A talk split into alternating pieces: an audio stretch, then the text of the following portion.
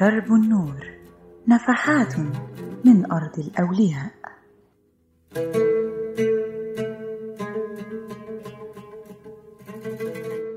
أهلا بيكم وحلقة جديدة من برنامجنا درب النور. أنا محمد الهواري وهكون معاكم في حلقة النهاردة. العلاقة بين أولياء الله الصالحين والولاة والحكام علاقة تتمتع بخصوصية كبيرة. يمكن هو ده اللي هيكون موضوعنا النهاردة. هنشوف ما الذي أوصى به أولياء الله الصالحين للحكام اللي عصروهم وكانوا بيفكروا إزاي وإزاي فكرة دخول السياسة في الدين والدين في السياسة. ولكن هنعرف بعد الفاصل. وكم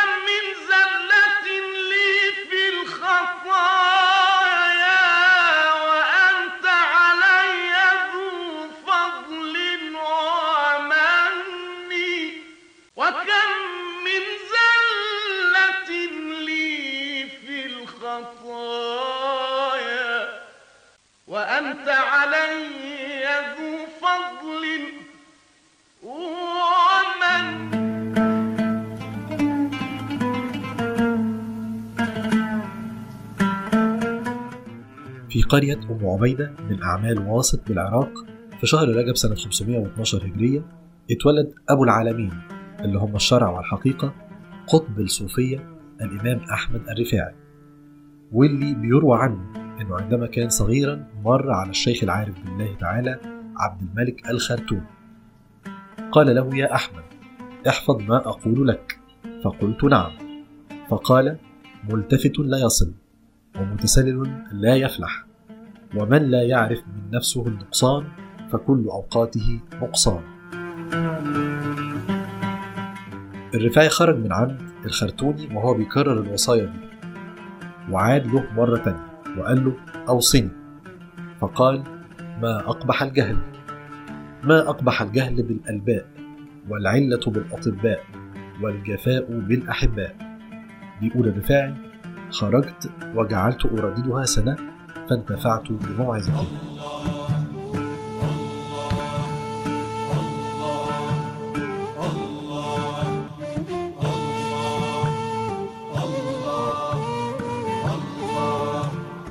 ومثلما انتفع الرفاعي بوصايا الخرتوني أوصى الرفاعي كمان معاصريه وتلامذته والسالكين في الطريق إلى الله والحكام. منها وصاياه إلى الخليفة العباسي الثالث والثلاثين المستنجد بالله أبو المظفر يوسف بن محمد المقتفي.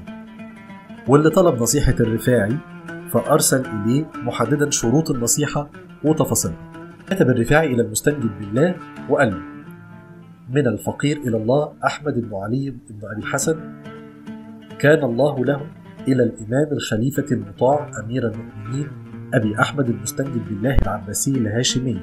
أيده الله بما أيد به عباده الصالحين. آمين. وصلنا كتابك الآمر بالنصيحة والحديث. الدين النصيحة الدين النصيحة الدين النصيحة. لولا هذا الحديث لما تصديت لنصحك. لأن نصيحة مثلك بارك الله بك لها شرطان. الإخلاص من الناصح والقبول بشرط العمل بالنصيحة. من أخيه أيدك الله بالتوفيق. بعد أن قدم الرفاعي شروط النصيحة قدم للخليفة المستنجد بالله نصائحه واللي هي الحقيقة ممتعة للغاية وتمثل في تقديري الشخصي حالة من حالات العلاقة الجيدة. يعني لو أنت رئيس في شغلك أو في عملك أعتقد أنك هتنتفع جدا بهذه النصائح. قال له الرفاعي افزع في كل أمورك إلى الله وعظم في كل شؤونك أمر رسول الله وأنت حينئذ في أمان الله وظل نبيه. ثم زن يا أمير المؤمنين كل ما يصل إلى خويصة نفسك في هذا الدار من طعام تأكله وشراب تشربه ورداء ترتديه وظل تستظله واجعل الشره على الدنيا بقدر ذلك وإياك وظلم العباد. وإذا استودرك الشيطان ورام نزغك إلى الظلم فسل نفسك أن لو كنت مسجونا أو مظلوما أو مقهورا أو مكذوبا عليك ما الذي تريده لنفسك من سلطانك؟ وعامل الناس بما تريده لنفسك فإنك إن فعلت ذلك وفيت العدل والآدمية حقهما. واعلم إن ما أنت فيه من الملك والدولة شيء يسير من ملك الله وأنت جزء صغير منه. إذا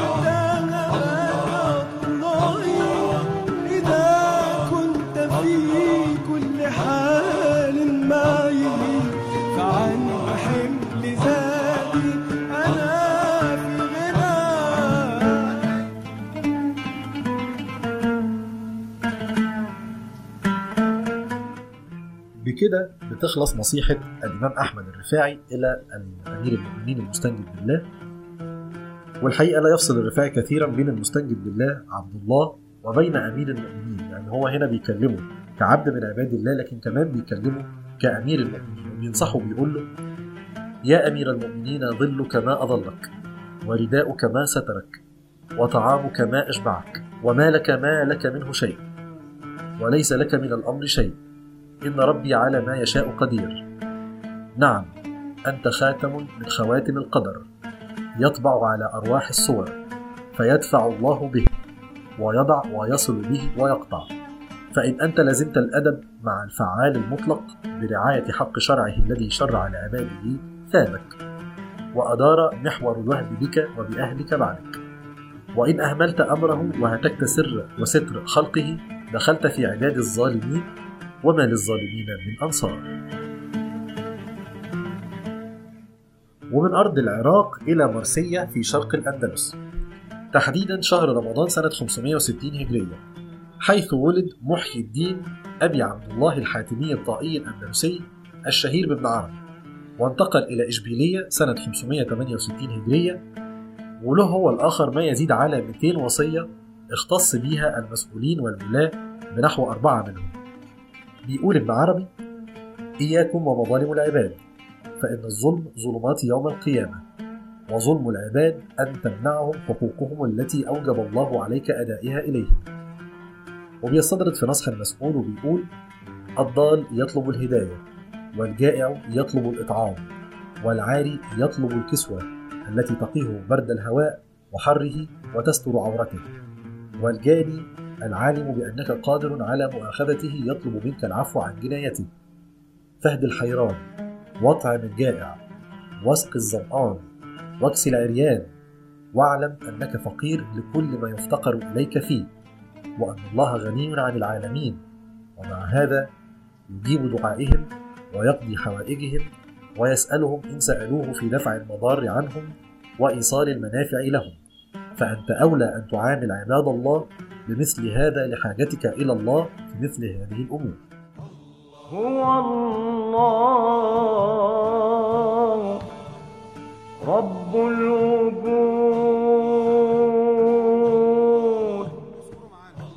رب الوجود.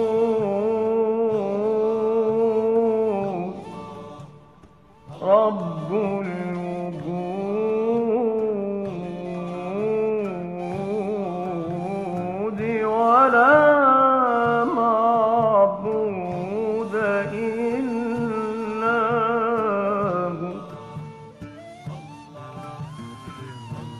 بيرسم ابن عربي المتوفي في دمشق سنة 638 هجرية سبيل الوالي للإتيان بحق الله.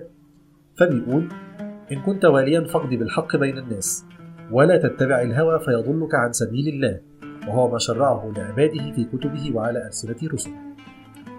كان الحكام والولاة والسلاطين بيطلبوا نصح العلماء والأولياء منهم هارون الرشيد اللي طلب نصيحة الفضيل ابن عياض وهم في الحج مع بعض.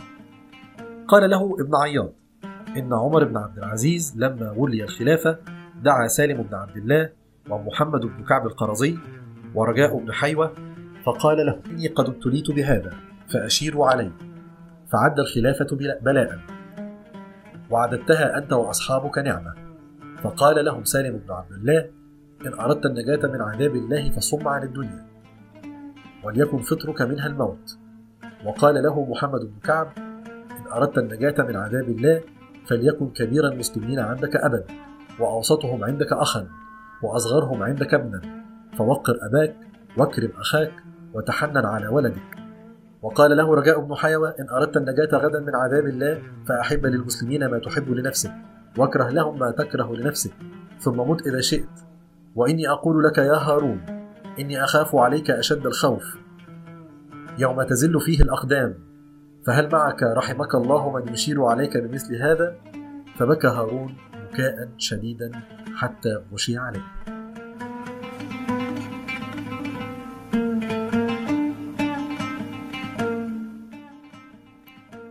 يتفق الرفاعي مع ابن عياض في نصيحتهم للحاكم بضرورة حسن اختيار البطانة. فبيقول الرفاعي في كتابه المستنجد بالله ولتعلم أمطر الله على قلبك سحاب الإلهام المبارك والتوفيق وأحكم أمرك بالأعوان الصالحين أهل الحكمة والنجدة أن الحق كمين تحت ضلوع الخاصة والعامة المحق منهم والمبطل فربما أعانك عبد على باطلك بيده ولسانه انقيادا لوقتك وأنكره عليك بسره وأضمر قلبه لك بعدها السوء. فلا يزكي ذكرك لديه.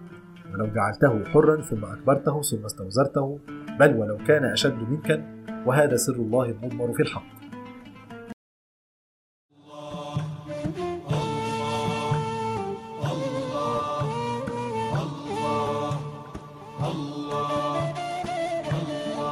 بيختم الرفاعي المتوفي سنة 578 هجرية نصحه للمستنجد بالله. وإلى كل حاكم في أي زمان أو مكان. فبيقول واعلم أي سيدي أن جيش الملوك العدل وحراسهم أعمالهم ودفاتر أحوالهم عمالهم وأصحابهم وهذه الدفاتر في أيدي العام. فأصلح دفتر أحوالك واحكم حراستك وأيد جيشك وعليك بأهل العقل والدين وإياك وأرباب القسوة والغدر والضلالة فهم أعداؤك وصن أمرك من أن تلعب به النساء والأحداث والذين لا نخوة لهم. فإنهم دواعي الخراب والاضمحلال وإذا أحببت فحكم الإنصاف في عملك حتى لا تقدم غير محق أو ترفع بغير الحق. وإذا كرهت فاذكر الله ونزه طبعك من خول الغدر فإن مكانك مكان الأمن يدور صاحبه مع الحق لا مع الغرض. وإذا غضبت فاجنح للعفو فإن أخطأت فيه خير من أن تخطئ في العقول. واجعل بذلك ونوالك لأهل الدين والحكمة والغيرة للإسلام. واختر منهم أشرفهم طبعا وأكبرهم عقلا وأوجزهم رأيا ونطقا وأثبتهم حجة وأعلمهم بالله ورسوله. وساوي الناس برا وفاجرا مؤمنا وكافرا في باب عدلك. واحفظ حرمة الدين وأهله واعمل عملا تحسن به عاقبتك وإذا لقيت ربك.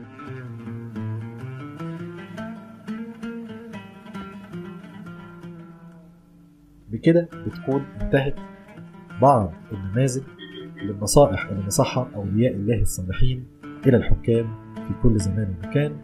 نشكركم ونلتقي في حلقة جديدة من درب النور.